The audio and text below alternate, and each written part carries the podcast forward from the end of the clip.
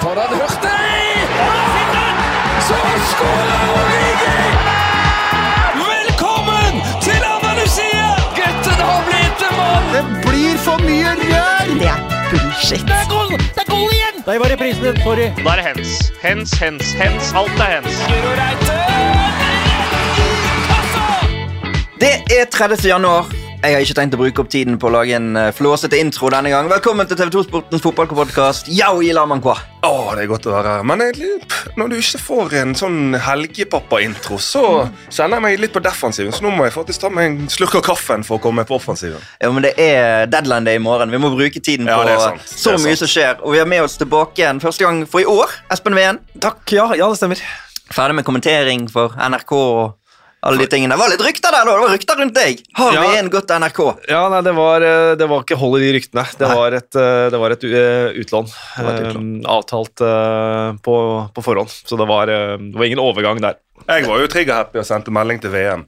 Store bokstaver. Judas. Men det viste seg at det var bekymringene det var ingen grunn til. Det var bare et utlån. Ja, Det var veldig bra. Uh, du har vært på fotballkonferanse i helgen, ja. Det har jeg. Når jeg skulle skrive, jeg skulle skrive ned i notatene mine, her, så skulle jeg skrive fotballkonferanse. Mm. Og så ble det autokorrekturert, heter det det? Auto, ja. Ja. Til fotballkompetanse. Ja, det, der, var det òg mye av det. Så det var ikke så dumt eh, forslag, det. Nei, det var NFF Vestfold. Espen Kirkenes hadde invitert meg til eh, den fotballkonferansen i Vestfold. Eh, Jeg skulle komme og holde et eh, innlegg der som handlet om, fra et spillerperspektiv, hvem sitt ansvar er det at du blir bedre? I klubber så er det jo litt sånn av og til kan være en ukultur fra spillerne at de kommer og forventer at alt skal ligge til rette, at de skal bli trent. Men så er det jo hvordan kan klubbene, trenerne, sammen med spillerne påvirke spillerne til å ta mer ansvar? Hvordan kan spillerne lære seg å ta mer ansvar? Det er noe av det mest avgjørende som fins i spillerutvikling for, for unge spillere. Og så sånn som jeg sa i det opplegget òg, da, så dette er jo eh, breddeklubb, breddeklubber, frivillige, eh, frivillige trenere stort sett som var på den konferansen. 99,9% av alle spillerne de trener, kommer jo aldri til å få fotballen som karrierevei. Sånn at f.eks. en ting som å lære seg eh, å ta ansvar som spiller, som menneske, er jo mye mer verdifullt for de 99,9 prosentene eh, som skal ha helt andre karrierer enn at du har et sinnssykt bra førstetouch eller kan slå langpasninger med underskru.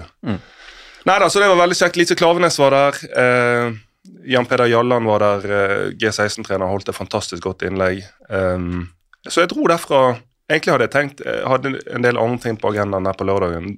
Hadde tenkt å komme og holde det innlegget og så kjøre tilbake til Oslo. Men jeg ble sittende, det var såpass mye spennende påfyll. Så dro jeg derfra med en feeling av at Og det kan høres litt sånn der eh, Hva du kaller det? Ikke kommunikasjon, men det kan høres litt sånn reklameaktig ut. Men det er Jeg dro derfra med en feeling at dette er folk som vet hva de driver med. Her, eh, Dette lover godt for norsk fotball. Produktplassering, var det det du lette etter? Promotering. Ja, promotering. promotering. Men eh, det, det er det ikke. Det er bare min opplevelse av det som ble sagt og hørt der.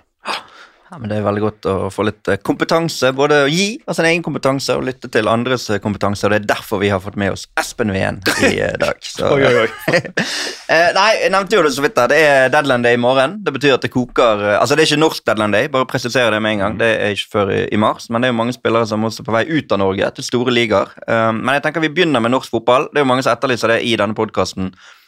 Hvorfor skal vi ikke ha en egen podkast for norsk fotball? Hva kan vi si der, ja? Oh, der kan vi si at folket er hørt. Ingen kommentar, kan vi si. det kommer. det kommer. Eh, vi må holde hjulene gående litt til. Og så, eh, til glede for alle dere som etterlyser noe eget for Eliteserien, så skal vi komme med noe eget for Eliteserien. Så da har vi svar på det allerede nå. Men vi begynner med norsk fotball i første halvdel av podkasten, og så sveiver vi over på andre ting eh, etter hvert. Det er sånn vi har gjort det, og det er sånn vi holder det nå. Og vi, vi begynner egentlig med miksen av overgangsvinduet og norsk fotball. For det har vært noen overganger siden sist. Eh, Vi kan begynne med de som er bekreftet. Begynne i Bergen. Eh, Jaffet Seri Larsen tilbake til Brann. Tore Pedersen inn fra Haugesund. Mm. Og i tillegg ny kontrakt med Blomberg. Det skjedde litt på stadion før de reiste til Marbella. Ja, det er jo eh, Hva skal du si spillere som de, de, de vet veldig godt hva de får. Mm. Eh, og Seri Larsen syns jeg er veldig klok signering. Han har vært uheldig i Glimt. Skader, en litt alvorlig hjernerystelse satte han ut i spill eh, over lang tid. Også selvfølgelig helt vill, eh, hard konkurranse. Så at de klarer å lande han, det er veldig godt gjort av Jimmy, som han heter, og Brann. Og det gjør sånn spillmessig så i Obos-ligaen så lykkes det jo godt. Da er det Ruben Kristiansen som fortsatt, i hvert fall på Obos-nivå, har, har nok fart som stopper til at de kan stå litt høyere, være litt tøffere med Forsvaret. Som igjen gjør at Sivert Heltene Nilsen får mindre områder å skulle patruljere på. Det har fungert veldig godt. Det har gjort at de kan være litt mer sånn offensive, være litt mer førende i kampene, kanskje spesielt på hjemmebane. Og Seri Larsen med sin fart som en av eh, hovedstyrkene hans, gjør at de forhåpentligvis kan fortsette å tørre å stå høyt med laget. Mm. Og så er han jo ubeseiret i Eliteserien som Brann-spiller. Utrolig nok. Akkurat, den- statistikken tror ikke jeg kommer til å vare så lenge. Nei, men det, han, det var jo eh, utrolig at han var det. Han, det var jo tross alt et lag som rykket ned han spilte på. Men de kampene han spilte, tapte de ingen. Nei da, det er en sterk statistikk, det, men den, den ryker fort. Han gjør nok det. Og Tore Pedersen inn fra Haugesund. Tore med TH. Ja. Ikke Tore Pedersen, den gamle 90-tallshelten, men Tore med TH. Også en spiller Eirik Horneland selvfølgelig kjenner veldig godt. Vi kjenner veldig godt, og det er eh, en som når det, treneren kjenner så godt, han er en veldig pålitelig spiller, de vet nøyaktig hva de får, sånn det er ikke, da regner ikke jeg med noe særlig lang innkjøringsperiode. Han eh, er klar til å levere og bidra fra, fra dag én. Så har det skjedd litt her på Østlandet også. Mohammed Ofkir til Vålerenga fra Sandefjord. Um, veldig bra i fjor, og litt tilbake igjen til, til røttene. Ja, gleder seg veldig til å, til å spille for en stor klubb, i- klubb igjen. og Det var vel det som var drømmen hans hele tiden, å få spille for uh, Vålerenga. Vært uh, sånn godt uh, tatt steg for steg uh, i karrieren. Husker han, var det Lillestrøm han først mm. introduserte seg i Eliteserien lite grann, og var veldig frisk da. og så har det vel gått litt opp og ned, og, men veldig opp forrige sesong. Så jeg syns det virker som en veldig fornuftig eh, greie for begge, både Vålerenga og, og Mohammed Ofkir. Altså, deilig at han ble i Norge. Mm. Eh, at ikke en spiller som var så god i Eliteserien i fjor, forsvant til jeg vet ikke, Ørnskjølsvik eller GIF Sundsvall eller et eller annet rør. At det, at det ble... Skåret jo tosifret i fjor. Ja, og det er vanvittig imponerende for et Sandefjord-lag som i hvert fall på høsten var katastrofalt dårlig. Så sånn som jeg ser på Ofkir, en spiller som de fleste er avhengig av å være i form og ha, ha liksom det fysiske som du jobber med i oppkjøringen, i orden. Men det er òg en spiller som er veldig veldig avhengig av å ha humøret og hodet med seg. Eh, når han ikke har det, så tror jeg at han kan være litt utfordrende å jobbe med, men nå når han er såpass Han sier det, og jeg tror på det, at han er veldig glad for å være i Vålerenga.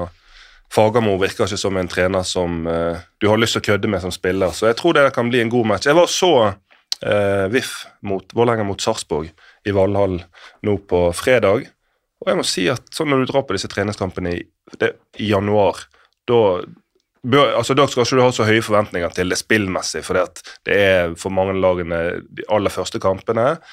Gjør store utskiftninger, masse skifter til pausen og sånn. Det ble det gjort her òg. Men faen, for et kvalitet! Underholdningsverdi. Skarp. Spesielt Vålerenga så veldig, veldig skarpe ut. Så vi skal ikke legge for mye i det, men hvis det, hvis det er tendensen for Vålerenga i sesongen som kommer, så kan det bli veldig veldig gøy å, Mm. å følge med på de. Var det der eh, Karsten Warholm drev og løp Ja, i stemmer. bakgrunnen? Jeg så det var noen som Det la var ut helt sinnssykt! Løpebane. Vi sitter på, altså på tribunesiden, og så på, på andre siden så er det løpebane oppe da, eh, på andre siden. Og så er Det sånn, det er det jo ofte inne i disse halene. Det er det i Vestlandshallen i Bergen, og så ser du at eh, folk trener og løper. Men her er det liksom sånn, du ser ja, det er noen som løper, og så ser du en som løper i sånn supersonisk tempo. Og så var det én greie der han hadde et drag, da. Samtidig som det ute på banen var et angrep. Spillere som jeg sier i hermetegn, full sprint, så ut som de jogget. For det at det tempoet han Da skjønner du at de atletene der på det aller, aller øverste nivået, det er ikke, det er ikke noe å tulle med. Um, en annen angrepsspiller, eh, Markus Menert, tilbake på øverste nivå, til Strømsgodset. Veldig spennende. Lyktes jo ikke i Bergen Nei. i det hele tatt. Nei. Og så har det vært mye for, altså mange årsaker til det, kanskje. Men uh, det ble veldig spennende å se han under en trener som har vært veldig god på spillerutvikling lenge. Definitivt. Jeg må si jeg er litt avventende. Uh, Jeg syns jeg har sett Eller det med spissrolle spesielt. Spillere, spisser som er effektive i Obos-ligaen, men som sliter. Fordi at som spiss for å kunne skåre mål, så er det jo den halvmeteren eh, som hele veien gjelder for å kunne komme til sjanser og for å kunne sette dem.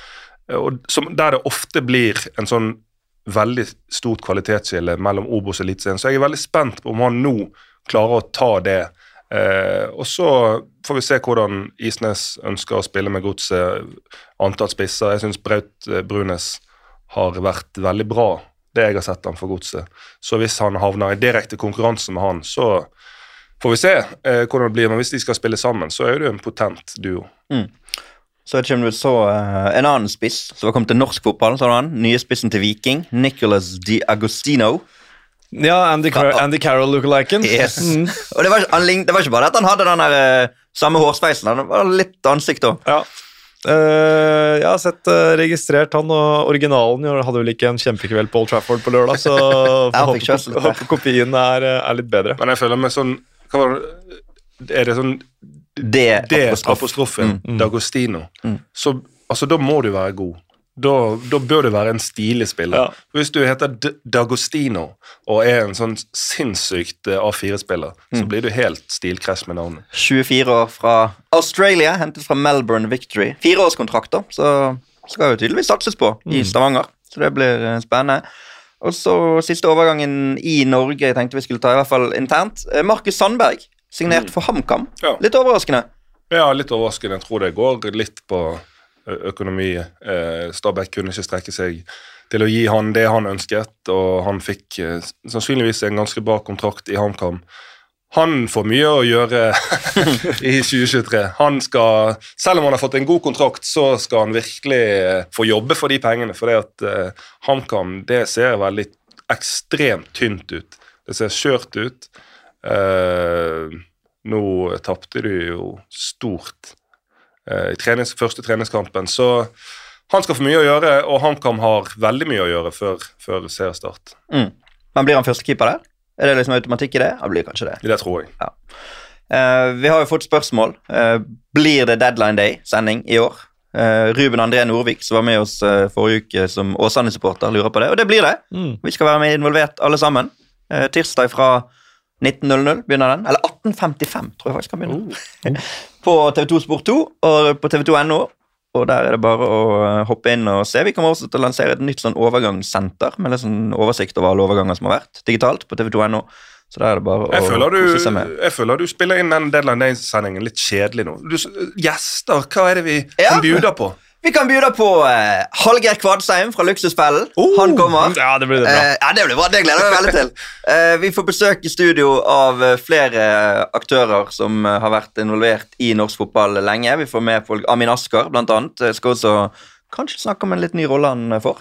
får. Vi skal ha med tidligere Benficas proff og eliteserieprofil Asa Karadas Yes. på Skype. Snakke litt om hva som venter eh, Kjellerup. Kjeldrup og for så vidt Tengstedt i, ja. i Benfica. Uh, vi skal ha med Gilem Balaguer igjen, siste fra spansk fotball. Vi skal ha besøk i studio av flere andre. Altså noen sånne hemmelige som kanskje kommer. Vi skal ha med en Bundesliga-spiller.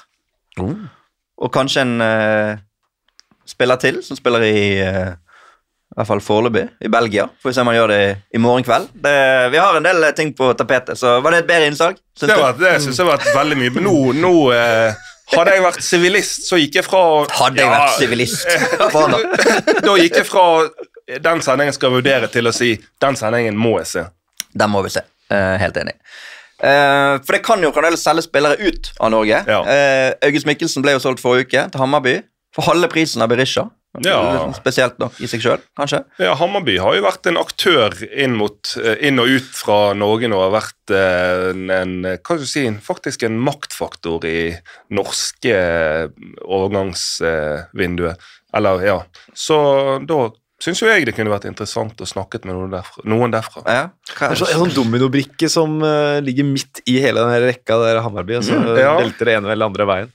Så Yao hintet at han kanskje har uh, Marty eh, på speed dial der. Vi får se i morgen. Den som ser sendingen i morgen, får uh, se. Um, vet om Berisha snakket vi en del om sist uke, men Kristoff Safair, Christos Safairis 30 millioner til Slavia Praha. Mm. Han er bare 19 år. Han har én enorm sesong. Ikke enorm sesong, men en veldig bra sesong i Haugesund. Og det er mye penger. Ja. Jeg har snakket litt med de som driver med sånn datascouting, der du altså du ser etter en rekke kvaliteter eh, hos spillere, og så selvfølgelig jo flere kvaliteter du plotter inn i disse modellene, jo færre spillere blir det jo. Men Safaris er en av de spillerne som scorer høyest på den type parameter. Han, han, er på, han er veldig god på veldig mye, og for et Haugesund-lag som ja, var litt eh, grått, litt kjedelig, så han, var han rett og slett eh, spektakulær. Og han, til, han tilfører laget så utrolig mye. Og i en alder av 19 år. Ikke bare fotballmessige kvaliteter, men temperament, trøkk. Alt sammen. En, en, en skikkelig eh, ja, kraftpakke. Så jeg skulle jo gjerne sett at han at det var noen av de norske klubbene som la noen store kroner i bordet for å hente han, men nå forsvinner han ut, og, og det er jo veldig veldig bra for Haugesund. Mm. Husker første gang jeg så han, Norway Cup, finale, sånn syverfotballfinale, Norway Cup, Ja, ja. 2016 for Fjellhamar. Jeg lurer på om han hadde to eller tre mål i finalen. i hvert fall eh, dominerende. Da var det, det var vel Endre Olav som kommenterte, tror jeg. Jeg var på indre bane. Han skjønte ikke dialekten min da jeg skulle intervjue han etter kamp. så det var mitt første Safaris-minne. Um, men en annen som også kan være på vei vekk fra norsk fotball, ser i hvert fall ut som det. Hva var det du døpte han i fjor? eh, verdens beste bergenser? Var det det du Ja, sa om ja. Bodø-Glimts eh, juvel? Ja, den er jo, den er jo klar. Ja. Ja, ja. Han, det er jo uh, Joel Mvuka som selges for uh, RLS skriver vel en pakke som begynner på 50 og kan ende på 70 millioner kroner. Og det er Det er sinnssykt. Det er imponerende. Det er nesten helt overveldende. Det er jo en spiller som Altså, når Ola Solbakken kom tilbake fra sin, sin skulderskade, må ikke vi glemme at dette her er jo et andrevalg på, på høyre, høyrekanten til Glimt. I den perioden Solbakken var ute og han spilte i Europa, og de tingene der, så var han jo veldig veldig god. Imponerte alle. Tok kjempesteg eh, på trening i vår. Var veldig god når de var på treningsleir i, i sommer, og fikk muligheten og tok den eh, til det fulle. Og har jo denne evnen som alle klubber ønsker seg. Spillere som kan skape ubalanse, som kan rett og slett bare trekke seg forbi én mann, til og med to. Snakker litt med Hugo Vetlesen, den relasjonen de hadde. Han visste at Han sier at Joel er alltid på gang. Han er enkel å spille med. Og så var det jo nå, kom jo dette her eh, Det er jo andre spillere som f.eks. Hugo Vetlesen. Det er andre spillere som du har gått og ventet på tenkt ja, disse her blir solgt. Men for en uke så har du tenkt at ja, han trenger en full sesong der han, blir, der han er førstevalg, der han blir satset på for å kunne hente inn de store pengene. Sånn at når han da, de er på treningsleir, han kommer på rommet til spillerne og sier du, jeg skal dra, så var det jo veldig stor overraskelse i, i Glimt-leiren òg. Mm. Eh, men Det er Lorient det er ja, snakk om. Ja, Lorient Mm. i, i Frankrike. Og så føler jeg at spesielt den overgangen Nå nevnte vi Safaris òg. 30 millioner inn i klubbkassen til Haugesund. Her en, i en stappfull Glimt-kasse et sted mellom 50 og 70 millioner inn for en spiller som i fjor var andrevalget på høyrekanten. Da føler jeg at vi er på vei inn i en ny epoke i norsk fotball. På vei inn i en epoke der det er utvikling, foredling og verdiskaping. Altså, Hvis du ikke makter å bli god på å utvikle og etter hvert selge spillere i den epoken som vi er på vei inn i nå, så er du sjanseløs. For det at, altså Tidligere var det utvikling versus resultater. Nå er det mer eller mindre utvikling eller døden. Det er ikke sånn, Du kan velge ja, men vi, vi, er, vi er en stor klubb, så vi, vi prioriterer først og fremst resultater. Hvis du ikke er god på spillerutvikling, hvis du ikke makter å selge spillere altså disse inntektene, Du kan ha den beste markedsansvarlige i verden.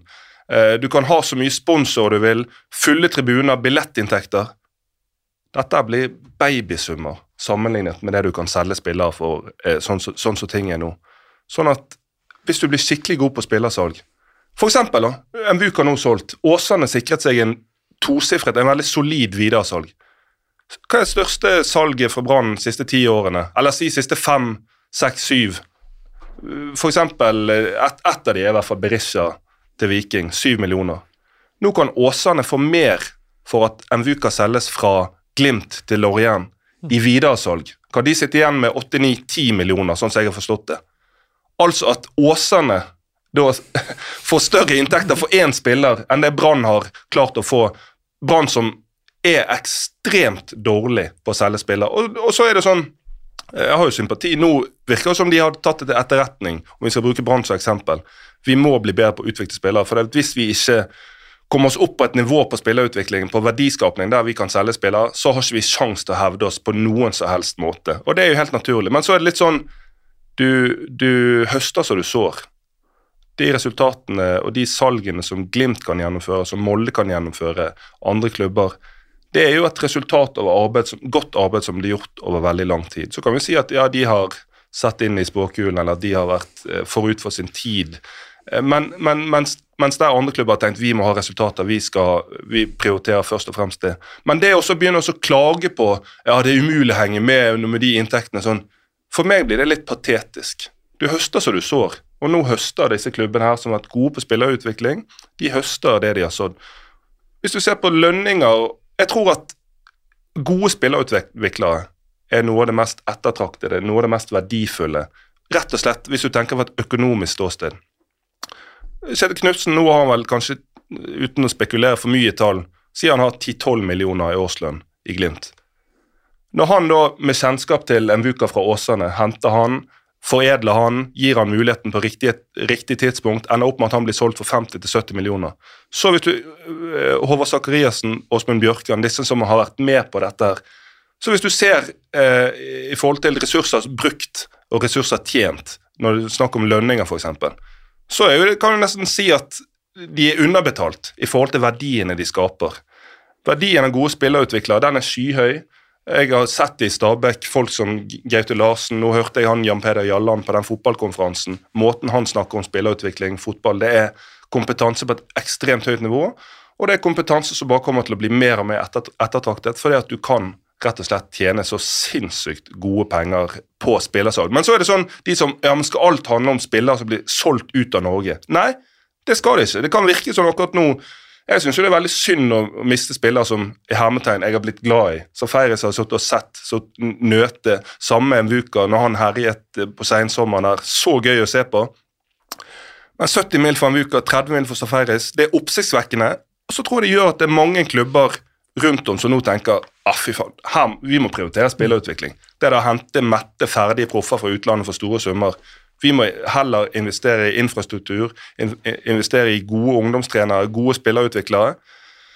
Og det at Disse investeringene vil jo på sikt gjøre at det blir produsert flere og flere gode fotballspillere i Norge. og det, Da er det trangt ut, ut, av døren. Det er ikke sånn at alle kan selge samtidig. og Det er ikke sånn at alle blir gode nok eh, til å kunne spille for disse store lagene i utlandet. Men de blir gode nok til å kunne være fantastisk gode eliteseriespillere. Og i sum så tror jeg at det er med på å bare heve nivået. Så lenge man er god nok da, i den spillerutviklingen. Det er jo det som er, kan være baksiden av medaljen her. Hvis mange klubber blir trigger-happy og liksom, nå, må vi, nå må vi hente alle talentene fra de og de mhm. klubbene i nærmiljøet for å sikre oss de tidlig nok, og så kommer man inn der, og så blir man en uh, andrelagsspiller i stedet. Du ser jo det på andrelagene. Det er jo aldri vært så mange andre lag høyt oppe i divisjonene nå som det har vært før. Det, det kan være en bakside av medaljen der også. Det, hvis man ikke blir, sant, Hvis ikke du får den seniorfotballen og et førstelag i koppen og denne utviklingen der. Sant, så du må jeg, bare, jeg, sier ikke at det ikke er en god utvikling for norsk fotball å kunne produsere gode spillere, for det er jo åpenbart bra, mm. men at uh, det også kan trås feil her hvis man ikke har tungen rett i munnen, det tror jeg vi må være klar på. Ja, hvis du prøver å ta snarveier, hvis grådigheten eh, får for stor spillerom og den får for stor påvirkning, og du prøver nå skal vi bare gjøre noe, pakke inn disse spillerne her eh, og lure utenlandske klubber til å overby for dem, så kan du bare glemme dette. her. Alt dette her, For å lykkes så må du tenke langsiktig når det kommer mm. til spillerutvikling. Eh, men, men, men der vi, Nå nevnte jeg Brann. Eh, Rosenborg hadde et flott salg nå. og de hvis du ser på snittalderen, hvis du ser på alderen på spillerne de har brukt nå, kanskje spesielt etter at Rekdal kom inn, så har jo den gått ned. Så de har, virker jo til å ha skjønt dette, de er på rett spor. Men disse eh, topp, og Samme Vålerenga virker til å ha tatt dette inn over seg. De er på rett spor. Men tidligere, der toppklubber sier ja, men spillerutvikling det får, holde, det får de holde på med i de mindre klubbene, vi må tenke resultater. Den tankegangen der, den er den har ikke du råd til lenger. Den, den, den må de fleste klubber bare legge fra seg. For det er som sagt, hvis du ikke evner å selge spillere, så har du ikke sjans å henge med. Ja. Vil du snakke litt, Espen? eller? Nei, det går bra. det går bra. Nei, veldig bra. Eh, Man nyter, uh, ja, ja, nyter kunnskapen her. Ja, Suger til meg. Veldig bra. Eh, vi har fått et par spørsmål også der rundt eh, overgangsvinduet. Eh, Jørn Henland spør hvilke spillere innad i Eliteserien mener dere Rosenborg bør gå etter. Det er jo litt tilbake til det du nevnte, sånn, typen Safaris. Hvis Rosenborg hadde investert de pengene nå, gitt han europacupfotball, Mm. Kanskje kunne han blitt enda dyrere. Sant? Vi var innom uh, Hvem var det vi snakket om forrige uke, som du mente at da ble det ramaskrik hvis uh, Rosenborg Var det var der? Kniklas, eller? Ja, nei, var det det? Jeg nå glemt det. Nei, Vålerenga var det, selvfølgelig. Sånn Vi snakket om spillere som eh, kan ta det mellomsteget, men det er vanskelig å på en måte si de og de bør Rosenborg gå etter, men uh, Tobias Mikkelsen var jo i samme, samme bracket, hva er det på Mm. Samme Som kategori. samme, kategori. Ja, samme kategori. Uh, endte opp til å gå til Hammarby, men uh, har du noen liksom du kan si de bør August, Rosenborg? August Mikkelsen. August Mikkelsen. Jeg kan si Tobias. Tobias. Å, ja. Han Han har vært i Rosenborg. Ja, han var dansk. Det er noen år siden. Helt riktig. Eh, ja, det er jo ikke en nordmann, men det er en spiller som spiller i Norge. Eh, får vi se hva som skjer med Ole Sæter i, i Rosenborg. Men de trenger uansett spiss. Tengsted har forsvunnet. De har mistet veldig mange målpoeng. De mister enda flere hvis Sæter forsvinner. Jeg tipper på at de jobber på spreng, men jeg tror Gift Orban Stabæk kunne skåret mye mål på Lerkendal. Kunne skåret mye mål for Rosenborg. Der tror jeg de er garantert minimum tolv mål.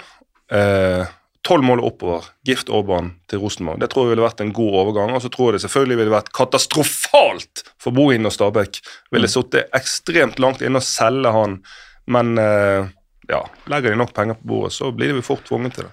Nydelig sak med på Sportsnyhetene i, i går. Ja, den kan anbefales, Den kan anbefales. inn på TV2 Play og se, se den. Um, Amund Vikne har skiftet klubb. Liten fun fact om han. Kan dere den? Amund Vikne?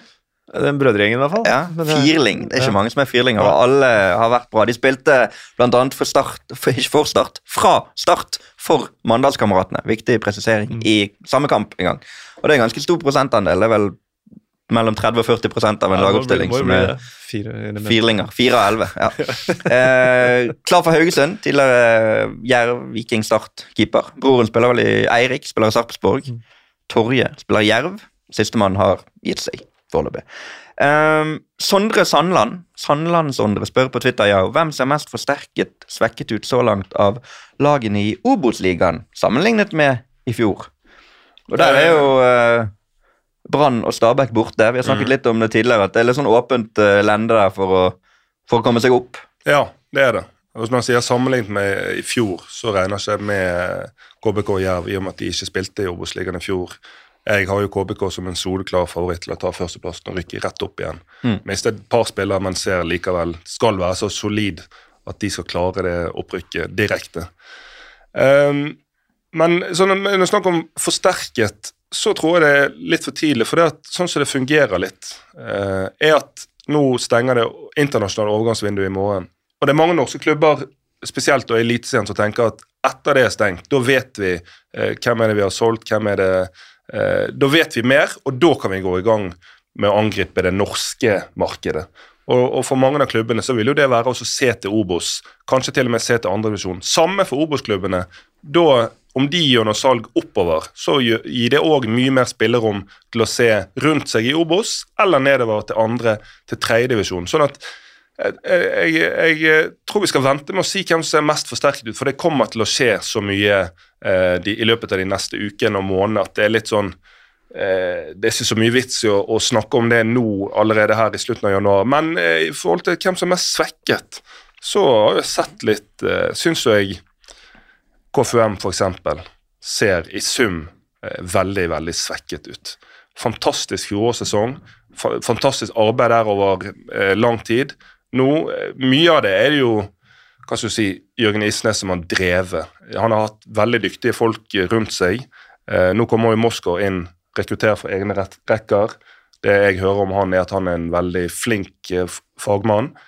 Eh, men han har vel ikke hatt noe særlig jobber i toppfotballen tidligere. Og jeg tror ikke det er rettferdig å forvente at han skal være en én-til-én-erstatning av det Isnes tilførte den klubben. Eh, han er fortsatt ganske tidlig i sitt løp, så der eh, vurderer de som svekket, uten at det er noe kritikk mot Moskva. Jørgen Hammer har vel lagt opp. Han skal snart bli advokat. Han har vært en sånn bauta både på og utenfor banen i Koffa. Og så så jeg nå Kiel Olsen, stopperen, som har gått til Vålerenga. Han spilte fra start treningskamp mot Sarpsborg. vanvittig solid, var god for Koffa. Det òg er jo et stort, stort tap. Eh, Sørås eh, gått til HamKam, så de vil jeg si er betydelig svekket. Start de er svekket. De må inn i spiss.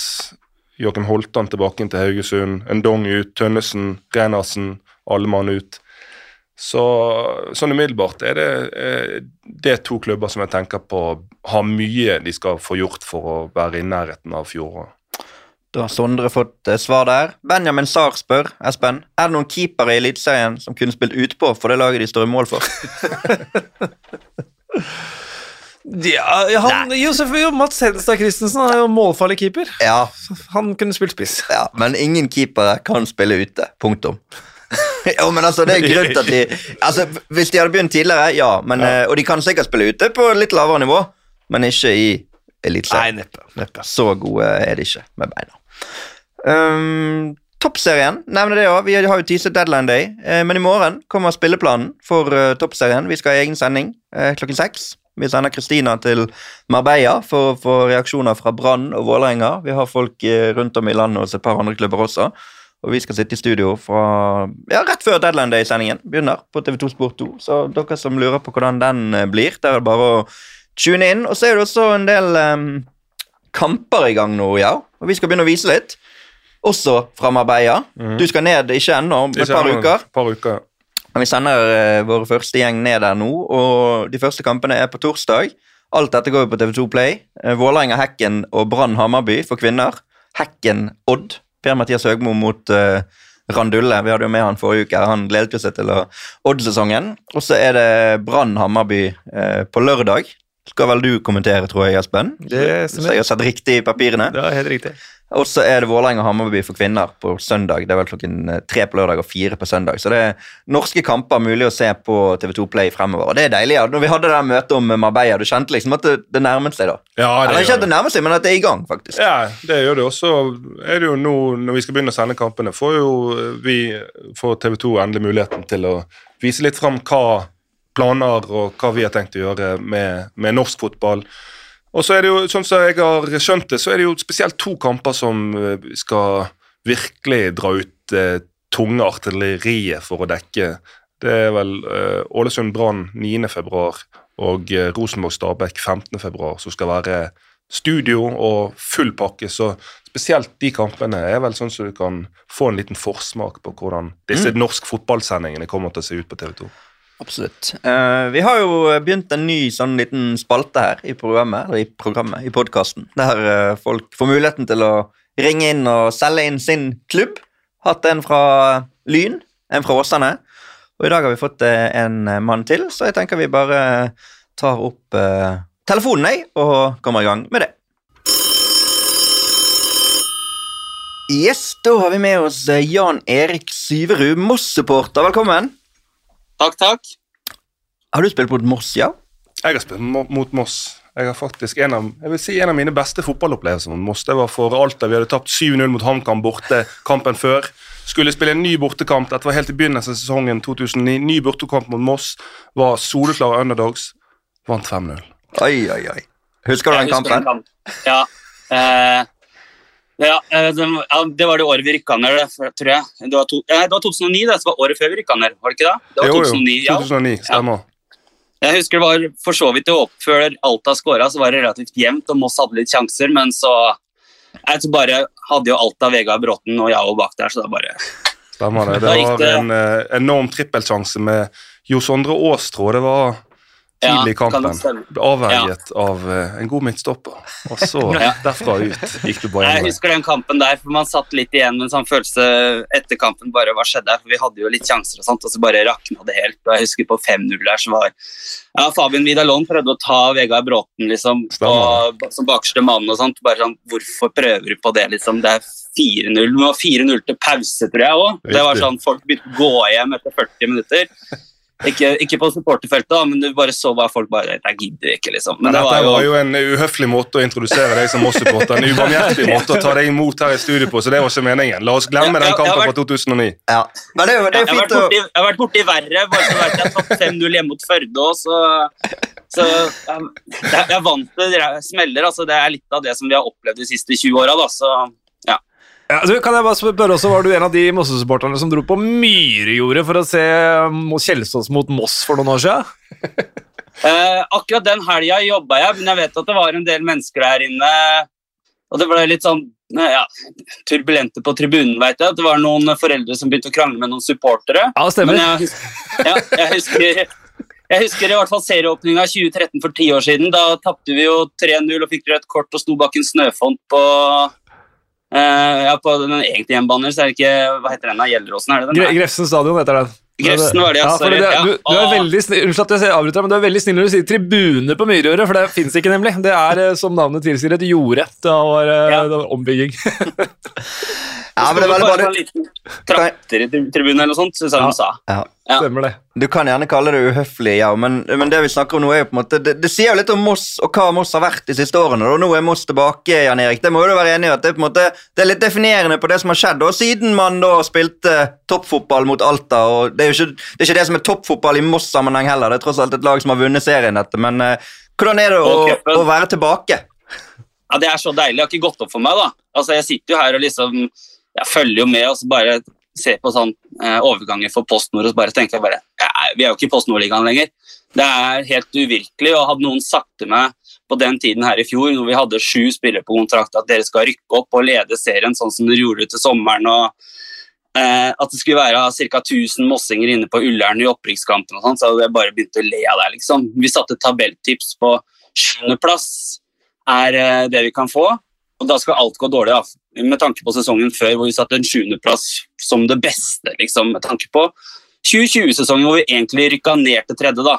Men bredden kom jo aldri i gang, så vi har jo, var jo litt heldige der.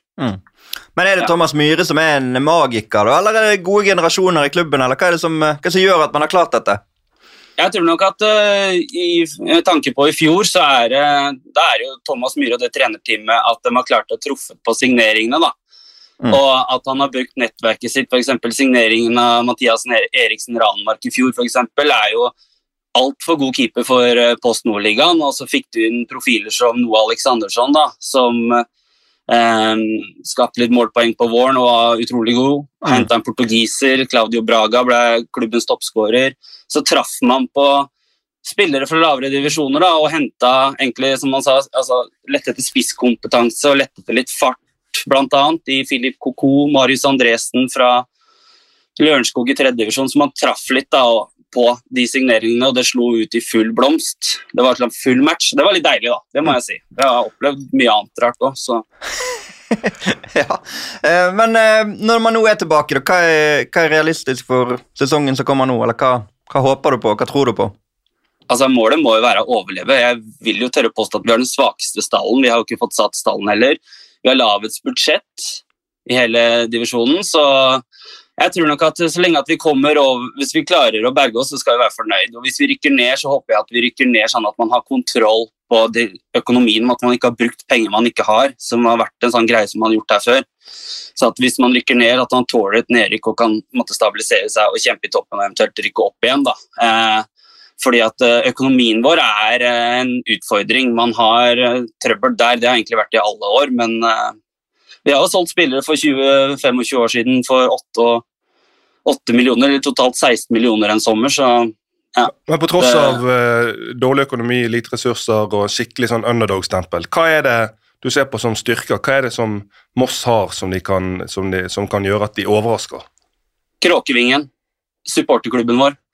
Eh, altså den supporterkulturen og det engasjementet som for så vidt er der. Da. Det har alltid vært en, eh, en supportergruppering da, som har vært der, selv om det har gått Du har tapt 5-0 hjemme mot Førde, f.eks. Eh, tapt eh, 1-0 borte mot guttelaget til Vålerenga liksom i, i siste serierunde. Eller sånne ting, Så har du alltid hatt noen som er der, eh, syngende supportere da, som skaper engasjement. og det har vært mye av styrken vår. da.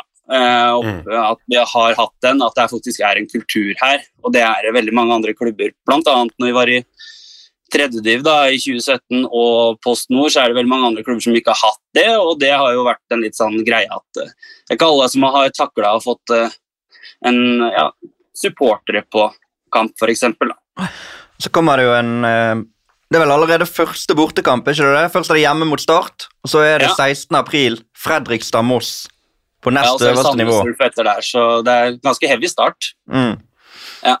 Men de oppgjørene mot Fredrikstad blir veldig spesielle.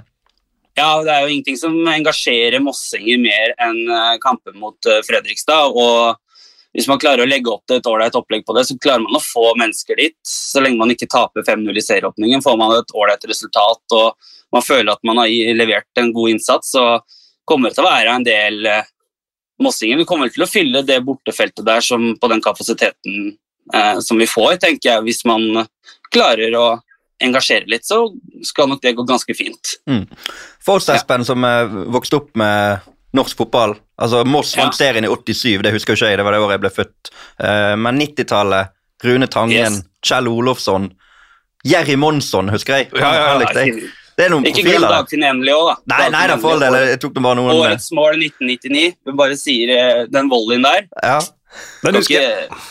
Ja, Det var bra. eh, ja, det er vel eh, to av tidenes mål da, blir- i norsk fotball har vel blitt skåra på Meløy, så det er vel Odd Iversen og Dagfinn Endelig. Så Det kan komme flere.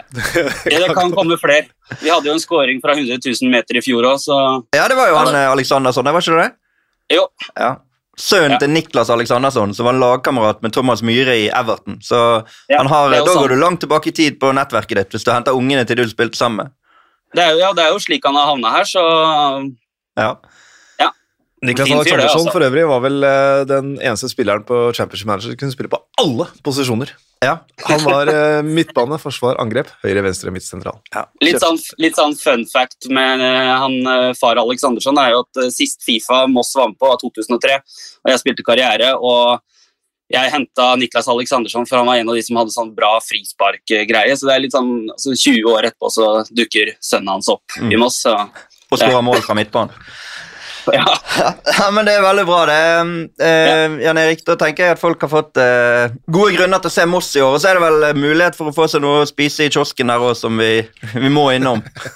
ja, altså vi har pølse i vaffel, vi, og så har vi eh, alkoholfri øl i tillegg. Så her er det Men eh, bare kjapt spørsmål på den pølse i vaffelen. For oss som er turister da, som kommer eh, Ja. til, til Moss, hva er det av garnityr som passer? Er det, du hiver ikke på sennep på en pølse i vaffel, vel? Kjøre sennep, pølse, uh, ketsjup og sennep. Eh, det blir jo egentlig litt som pølsebrød, da. Det er jo det salte mot det søte, så det funker ganske greit. Men for dem som er litt skeptisk, start uten. da. Så kanskje tar du, tar du ketsjup, og så tar du sennep. Og mange av de helt rutinerte de kjører jo på hvis de får mulighet med rekesalat og potetsalat og hele pakka. Men det, det, det er for viderekomne. Jeg, jeg merker at jeg tror jeg kjører den eh, starterpack med ketsjup. Jeg håper jeg går helt motsatt og kjører syltetøy. Det er helt motsatt. Ja, men det er veldig bra, Jan Erik. Takk skal du ha. Lykke til med sesongen. Jo, takk. Yes, Da um, har vi fått vite hva vi skal ha på vaflene i Moss. Og det var ikke syltetøy. Men jeg går, hvis jeg skal ha med meg jentene mine på kamp i syltetøy i, syltetøy, i Voss, da blir det syltetøy. Altså, Rekesalat hørtes brutalt ut, altså. Det må jeg, det må jeg ærlig innrømme. Du er ikke klar for den? Nei, det er ikke Du får deg jo fått noen kamper der i løpet av sesongen som kommentator, kanskje? Det, det kan godt være. Eh, Det kan eh, også likevel være at det rekesalaten, den dropper jeg. Det, er, det, det kjenner jeg at det funker ikke, altså. Det må være greit. Tør ikke, jeg tør ikke, rett og slett. Jeg er feig. feig. Kulinarisk feig. Ja, kulinarisk feil. Vi har fått uh, spørsmål om uh, hadde det vært mulig med timestamps i episodebioen. Ønsker kun å høre om norsk fotball og er rimelig slitsomt å prøve å hoppe over all annen prat. Nå sa vi jo det i starten at det kommer snart noe som ikke handler om alle andre ting. Men til dere som ikke vil ha andre ting, så må dere rett og slett bare slå av nå. For nå skal vi snakke om andre ting. Eh, og sånn er det. Eh, men det var greit. Og vi begynner i La Liga med en nordmann som var i aksjon igjen eh, i går. Ja, det var to. Det var to, men uh, For å være jeg tenkte vi skulle begynne med han, uh, begynne med han. Vi kan begynne med begge. Skal vi snakke i munnen på hverandre? Nei da. Vi kan begynne med den, si- begynne med den siste av de, da. Ja. Uh, I storkampen på Santiago Bernabeu. Skåringsrekken ble brutt, men eh, Alexander Sørloth er helt der oppe nå. Ja, han er det, og det var helt tydelig at Real Madrid var eh, veldig obs på ham. og Fikk han jo Militao og Rüdiger, to av de fæleste eh, å ha, i, eh, ha på seg hele tiden. Så det var ikke så mye Sørloth fikk gjort med tanke på målsjanser, men han var noen centimeter fra å nå fram på et innlegg, og så gjorde han jobben for et, et Real Sociedad som, som tok et veldig veldig sterkt poeng på Santiago Bernabeu med veldig skadeplaga, og han er litt halvskada sjøl og sliter litt. grann, Sørloth, så han leverte varene for laget, selv om det ikke ble scoring i sjette kamp på rad. på og de er da tre poeng bak. Real Madrid riktignok med én kamp mer, men de er, de er helt med. De har fått en liten luke til, eh, til lagene bak. Um, Atletico eh, tok vel inn på to poeng der i helgen, men eh, de har fremdeles fem poeng ned til de, og åtte poeng ned til Villarreal, som også har én kamp mindre. Og, uh, Ja, og de tar seg jo til Champions League hvert tiende år, så, og det er nå Forrige Ja. de var der, var 2013, så da, da ligger det i kortet at de skal er det sånn? 2003? Ja. Da var Bjørn Tore Kvarme der, sant? Ja, det kan godt være. ja, men jeg, han, jeg tror han har spilt Champions League for dem, i hvert fall. Ikke helt eh, på viddene, kanskje. Ja, men da er det på tide å få de tilbake. Litt som Tottenham som alltid skulle vinne det året som enda med én. Ja, og så sluttet de å vinne det hele tatt, Ja. så ikke de klarte den. Så Mm. Det, ja. det trenger ikke å gå noe nærmere. Nei, nei, vi trenger ikke det. Eh, men eh, ja, Sociedad eh, flyr høyt. For dere som har lyst til å se Sørloth igjen neste gang, så er det muligheter til det 5. februar. Da er det hjemme mot Real Valladolid på TV2 Sport. Da er det gode muligheter for skåringer. Kan det bli mål igjen. Jørgen Strand Larsen kom vel inn i pausen. Inn for, i pausen. eh, Celta. Eh, slik at en langball nådde fram eh, til eh, klubbikonet Jago Aspas. Ja, ja. Så hvis vi skal ha på oss ekstrem norske briller med sånn styrke 12, så var eh, Strand Larsen helt avgjørende for den Ja. kampen. Men, det, men Ja, men Det er en sånn aksjon som ikke står i noen historiebøker. sant? Nei. Men uh, han og, gjort det. så- nei, og dessverre så er det jo det litt problemet nå at uh, det er spillemessig greit, men det, det blir ikke mål, og da, da, da er Celta også på vei i jakt etter en spisser etter overgangsvinduet her, så får vi se hva som skjer. Men, men Strand Larsen kommer i hvert fall inn og er med på at laget hans vinner eh, kampen, da. så det, det er positivt. Og en veldig viktig seier for Celta, som eh, hadde vært under nedrykksstreken. Ja da, de var i ordentlig trøbbel. Det er et veldig veldig la, langt eh, sjikte der som er i trøbbel. Så jeg tror Celta klarer seg fordi de har eh, Aspas. Eh, Ellers var det en ganske målløs, eller målfattig runde av La Liga, og kanskje ikke den, eh, den runden som går inn i historiebøkene som den feteste. Men eh, Barcelona vant eh, et slags derby mot Girona på lørdag. Eh, gjorde det de måtte. Mm. Ellers var det vel 1-0, 0-0, 1-0 over hele, hele fjøla. Ja, det var veldig få mål. Det var det. Var det. Så Alt, Sevilla, alt skjedde på fredag. Da ble Sevilla vant vel 3-0. Så ja, mot uh, sinnssykt dårlig Elche-lag med en mann utvist. Så uh, det var egentlig en 1-0-kamp, det òg. Ja.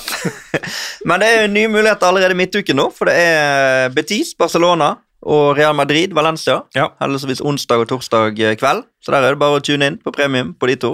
Så Utsatte kamper pga. spanske supercupen. Er Derfor de spilles nå. de måtte ha seg en tur til Saudi-Arabia og spille for når de andre spilte for en liten stund siden. Så, Som så hører og sånn var det. Um, du var så vidt innom Andy Carroll der i FA-cupen. Reading uh, tapte for Manchester United. Eh, Liverpool røk ut. Har kun Champions League igjen nå.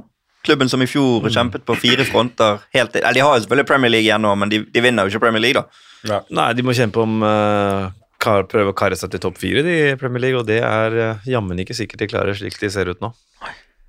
Men sånn, I går så følte jeg på en måte ok, her, her, her kan de komme tilbake. Sant? De tok ledelsen tidlig, og nå er det på en måte ok, de skal slå umiddelbart tilbake. Det var jo Brighton de røk for så stygt i Premier League, men så ender det på den måten det gjør. Det, det, det er spennende å se inn, inn mot Champions League nå, da. Som på en måte av og til har vært litt sånn halmstrå for Liverpool.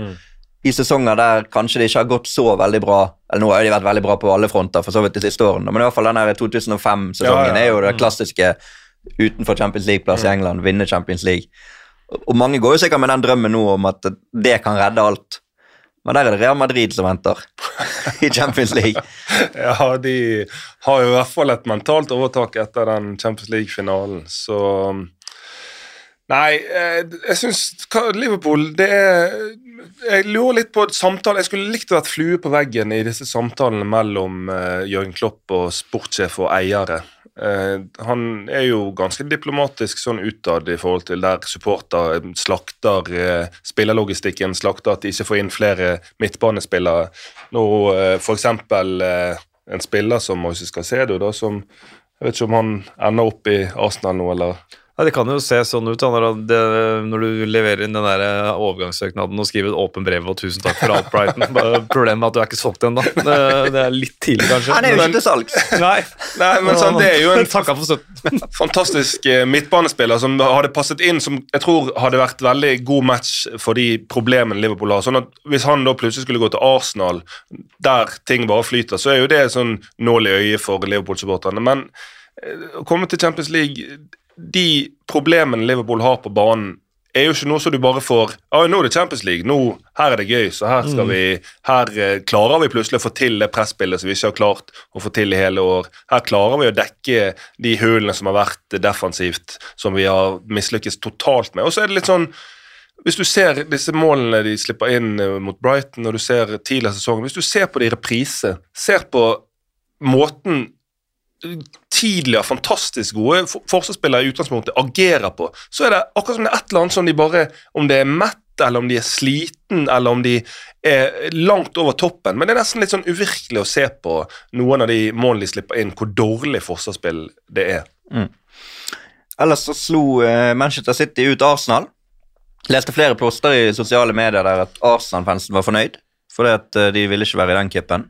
Det er jo, det er jo trist at det er blitt sånn at FA-cupen bare kan kaste Jeg skjønner jo at Arsenal-supporterne vil vinne Premier League for alt i verden, jeg har jo forståelse for det, men at liksom man, man er happy med at laget sitt rykker ut Det er et eller annet der som ikke Ja, og så er det et eller annet når de er i den steamen de er i, så hvor, da vil jo spillerne bare spille kamper, og da er det bare å dundre på videre. Så jeg tenker jo det er litt sånn at de sier det, er vel mer Ok, det er ikke så farlig, men jeg er ikke glad for at laget blir slått ut. Nei, altså, det er jo ikke representativ for alle. Nei, det det tror ikke jeg. Jeg syns jo det sier litt om hvor langt Arsenal har kommet når de kan hive utpå eh, et lag som ikke er toppet, mot et relativt toppet City-lag, og likevel være så jevnbyrdige. Hadde du Ja. gått noen år tilbake, hadde jo det et eh, litt B-preget Arsenal mot et toppet City-lag, hadde jo det vært slakt. Ja, det er sant. det. Nei, ett og et halvt år, det, så, så så vi hvordan det så Ja, ut. ja, det er jo sant. Um, du har vært innom uh, Caicedo der. Um, Anthony Gordon var jo også i en sånn boikottsituasjon her nå. Fikk gjennom overgangen sin Mm. til uh, Newcastle. Uh, vi kommer til å snakke litt mer om dette på Deadland Day-sendingen vår i morgen, men uh, det er jo en ja, Jeg vet ikke skal si om det er en tendens, for det har vel kanskje vært sånn lenge. Men uh, det å på en måte nekte å trene, Mm. hva tenker du om det? Nei, det er, jo ikke, det er jo ikke bra i det hele tatt. Det er jo ikke riktig, det er egoistisk, og det setter en veldig sånn dårlig presedens. Hvis det blir vanlig at du bare kan sette deg helt på bakbeina og streike deg til overganger, så Altså, jeg kan forstå det hvis du får sånn som Casedo nå, som har mulighet Han har jo kommet fram hva han tjener i Brighton. sånn Sammenlignet med det han leverer på banen, så står jo ikke det i stil. Han kunne sikkert fått ny og mye bedre kontrakt i Brighton, men jeg kan forstå det for disse spillerne som kan sikre eh, eh, familie og alt økonomi for generasjon og fremtid. De gjør alt de kan for å få den gjennom, men likevel så er det respektløst overfor klubben, ikke minst for supporterne som har backet deg, og plutselig nekte å komme på trening, plutselig å nekte å utføre de oppgavene som du har skrevet under på en kontrakt at du skal gjøre. Så nei, det er ikke, det er ikke noe som får terningkast høyere enn én herfra. Det er greit. Så er det jo noe med når du gjør det for å komme deg vekk fra én klubb, og tilsier at du ikke gjør det neste gang, osv., osv. Ja, jeg er også terningkast én på det. Caicedo han kom jo ikke inn på Brighton-laget før i april i fjor, så, så det er ikke så rart kanskje at ikke han er mest, best lønna i Brighton per nå. Så Det er i hvert fall en overgang det blir spennende å følge med på inn mot morgendagens deadline. ja. Det Gordon, Gordon Newcastle jeg har ikke så veldig tro på det. Nei, Jørn Henland spurte om det, og Henlandi. Kommer Newcastle eller Everton best ut av Gordon-dealen? spurte de. Jeg og- tror faktisk Everton kommer best ut av det fordi de tjener penger og tjener, tjener penger på dem. Det er, det er selvfølgelig bare spekulasjoner. og Det kan godt være han blir kjempegod ned i Howe, Mm. men jeg syns ikke han har vært mm, så god som prislappen og furoren skal tilsi. Andre ting vi forventer inn mot deadline i morgen. Det kommer til å være vanvittig mye rykter. Mye falske rykter, som det alltid er. Folk prøver å lure oss til å snakke om eh, det og det, men eh, det kunne se ut som den eh, Enzo Fernandes-avtalen var i ferd med å bli noe av likevel nå, kanskje. Jeg vet til fall Chelsea. Noe av det jeg gleder meg mest til i morgen Du har sagt Hallgeir Kvadsheim fra Luksusfellen skal være med. Han skal jeg spørre om Hvis Todd Hvordan uttaler Bowley, Bowley, Bowley Chelsea-eieren hadde vært med på Luksusfellen, hva skulle du sagt til han da, Hallgeir? For det, det er jo galskap, det han Han, han skyter bare på alt han ser. En, er det en spiller som har interesse for en annen storklubb, bang, der er Chelsea. Bare overby, kaster penger. Ja, greit, han har mye penger, men og til slutt, altså Du sitter jo sammen etter hvert nå i Chelsea med et lag som er liksom en sånn sandwich av spillere som har vært der eh, under forrige trener, spillere som Potter ønsker, spillere som Bowley bare vil ha fordi andre vil ha de. En sånn sammensurium, en ganske oppblåst, stor tropp etter hvert. Ei. Jeg sitter med mistanke at eh, Potter ikke har noe han skulle sagt. Ja. At han bare Her har du masse nye leker. Eh, se om du klarer å finne noe, noe gøy de kan gjøre sammen. Hvis han hadde vært med på Luksusfellen, så hadde det vært sånn han hadde, han hadde linet opp masse fotballspillere etter hverandre i rekke sånn, for å vise sånn Så mye har du brukt. Det er ikke, det er ikke plass på den tavlen til Hallgeir med, som- med tusenlapper der, altså. Nei, det blir, det blir spennende å se hva han sier. Det, blir en, det er alltid spennende på Deadland day, for det kommer alltid noe vi ikke har forventet også. Men det er jo rykter eh, rundt vår egen Sander Berge. Ja, Som det alltid er. Som det alltid er. Og så um, Det skal jo vi snakke om eh, faktisk på nyhetskanalen nå etterpå innspilling her. Eller nå nettopp, hvis du hører den etterpå etter du det har riktig, riktig, riktig. eh, og der ryktes det jo uh, Fulham, som det er, tror jeg, ganske bra tyngde i de ryktene. Eh, men òg ryktes det at Newcastle skal melde seg på. Men det, der eh, går det opp røde flagg for meg. Hvis Sander Berge skal til Newcastle med de ressursene, når du ser hvor de ligger i Premier League, da føler jeg uff, her havnes her, Der ville han havnet fort på benken. Stor risiko for det. Kanskje til og med tribunen. Ja, da vil jeg heller se Sander Berge i Fulham enn i Newcastle. Ja, det tror jeg òg. Kanskje gode utsikter for å få spille i hvert fall et halvt år i Newcastle, men eh, hvis de eh, Nå styrer de mot Europa, da skal de kneppe til. fordi det skal jo sies om Newcastle at de har vært ganske vært veldig smarte med de signeringene de har gjort etter at de fikk alle disse pengene. Det har ikke vært, de har ikke gått etter de største navnene, men de har gått etter profilene, eller spillerprofilene som passer måten Eddie Howie spiller fotball på. Eh, og der kan nok Sander Berge være bra den, det halvåret her, men så tror jeg det skal tyngre og, og mer markedsføringskraftige navn inn eh, til sommeren i, i nordøst. Så kan det hende at det kommer rykter om Liverpool også, som det har gjort vært før. rundt Sanderberget. Hvis Klopp nå har sagt at 'nå må jeg ha noen'. mm. så, vi får se vi får se hvordan det går eh, i morgen. Eh, vi skal runde av bare kjapt med mm, et par resultater fra Serie A. Juventus Monza 0-2 og Milan Sassuolo 2-5 i går. Det hadde gitt litt i odds for noen år siden. Ja, det hadde gitt litt i odds for uh, noen uker siden også. I hvert fall den, eh, den første der. Juventus i kjempetrøbbel både på og utenfor uh, banen. Og de prøvde å bruke, gjøre noe som har fungert tidligere. Det fungerer ikke nå med Allegri. og det er, eh, ja, det er, eh, De er nesten på vei mot det nivået de var før Conte løfta dem ut av eh, ødemarken og gjorde dem til Serias beste lag. Men òg når Juve da er i den situasjonen de er folk ryker i fengsel, og det er rettssaker og det er kaos, og så får de en sånn kamp nå rett før deadline day. Jeg tenker Spillere går jo inn i garderoben etter å ha tapt 2-0 0-2 mot Monza. Ringer agenten sier bare 'gjør alt du kan', jeg må vekk Ja. fra dette synkende skipet. Og Det er jo mye bra spillere der. sånn Det er jo en klubb eh, som vi må holde et ekstra øye med i morgen på, på deadline Mm. Så det var noen poster på sosiale medier, jeg vet ikke om det var reelt, men at han eh, Berlusconi skulle ha lovet bort en buss full av horer til Monza-spillerne hvis de i løpet av sesongen slo enten Milan eller Juventus. Så får vi se om det det er eller, Vi får jo jo- ikke se, men Nei, nei, det jeg håper jeg egentlig ikke vi får se. Det er jo Da kan vi si at vi Når de da- slår Juventus 2-0 borte, sier det noe om motivasjonskraft? ja, det gjør kanskje det. Ikke bra. Ellers så var jo eh, Thorstvedt kom inn på slutten av den Sassolo-seieren i Milano. og Milan, er det sånn at de bare sparer seg til Champions League-kampene nå, eller hva, hva er det som har skjedd der? Napoli vinner jo denne serien som de vil. Ja, og apropos det, bare gå inn på YouTube eller hvor du ser, og få med deg goalen til han Osimhen i går. Den, eh, eller i helga. Den var helt, eh, den var helt spinnvill. Nei, Mila jeg, De overpresterte jo med seriegullet sitt. Det er det ingen som helst tvil om, og Pioli har gjort det veldig, veldig bra. Men det er kanskje på vei mot enden av en syklus for den, det mannskapet der også, som eh, som når du ser dem spille for spiller, så er det nesten utrolig at de, de vant uh, Serie A. Selv om det er ikke til folk. Det er jo det er selvfølgelig jo kjipt å si for de spillerne, men ut fra ressurser og pengebruk og sånn, så, så overpresterte de veldig med Ola- serie- seriegullet sitt. Ola Solbakken ubrukt reserve for Roma borte mot Napoli. Mm.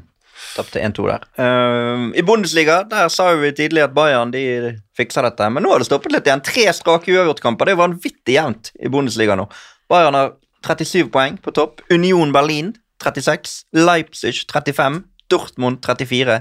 Freiburg 34. Og for så vidt kan ta med Eintracht Frankfurt på 32 og 5 poeng fra første til sjetteplass. Men du, du har jo sagt at de fikser det. Jeg tror de fikser det. Tror jeg. Jeg, uh Altså, jo lenger ut i sesongen du kommer, slitasje og den type ting, greit at Bayern i tillegg har Champions League å tenke på, men det er jo da du egentlig skal få best betalt for bredde og for eh, kvalitet i bredden, så det tilsier jo at dette skal gå. Men det er to uker nå, så er det PSG Bayern München i Champions League. 14. februar. Valentine's Day. For alle dere som ikke har lagt planer for daten deres til Valentine's Day. Men, men eh, hvis, hvis det utrolig skulle skje at Bayern ikke hadde vunnet Bundesliga, og i tillegg nå Si de får en exit mot PSG, så tror jeg Nagelsmann eh, er ferdig. Ja. Da kommer han til England. Eller noe annet sted.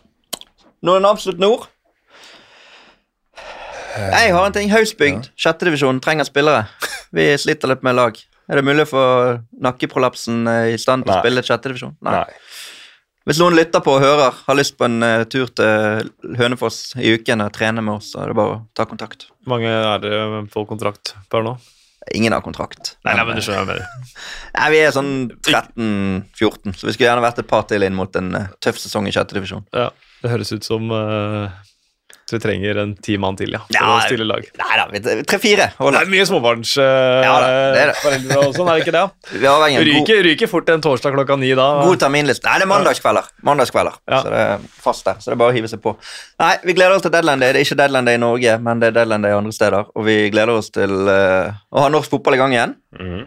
Og vi gleder oss over ditt nærvær. Ja, og jeg gleder meg til eh, Nå blir det jo full rulle på Marbella. Du har sagt vi sender kampen derfra. og Vi sender ned veldig mye folk, fullt team, og der kommer det til å være sendinger. Det, det kan folk bite seg merke i. På nyhetskanalen kvart på elleve hver eneste dag, stort sett i hvert fall, så kommer vi til å være på treningsfeltet. Når disse lagene, De fleste lagene trener der nede klokken 11. Vi kommer til å være på feltet. Idet de setter seg ned på benkene rundt banen for å knytte på seg skoene, for å gjøre seg klar til trening, så er vi der tett på, spør hvordan ser treningen ut? Hvem er det som er i støt om dagen? Alt dette her. Sånn at det å følge med på nyhetskanalen kvart på elleve hver dag i februar, det er en god idé. Absolutt. Takk for at du var med. Takk, takk. Takk for at du var med, Espen. Takk, takk. Ses i morgen. Og til Ja. dere som hører på, uh, inn og rate oss, gi oss en femmer, så blir vi glad. Og takk til moderne medier som gjør at vi får lage disse episodene. Ha det bra!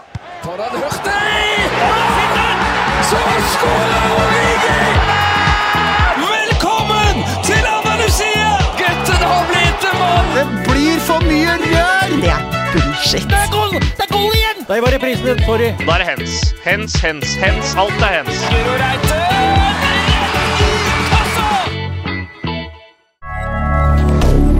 Moderne media.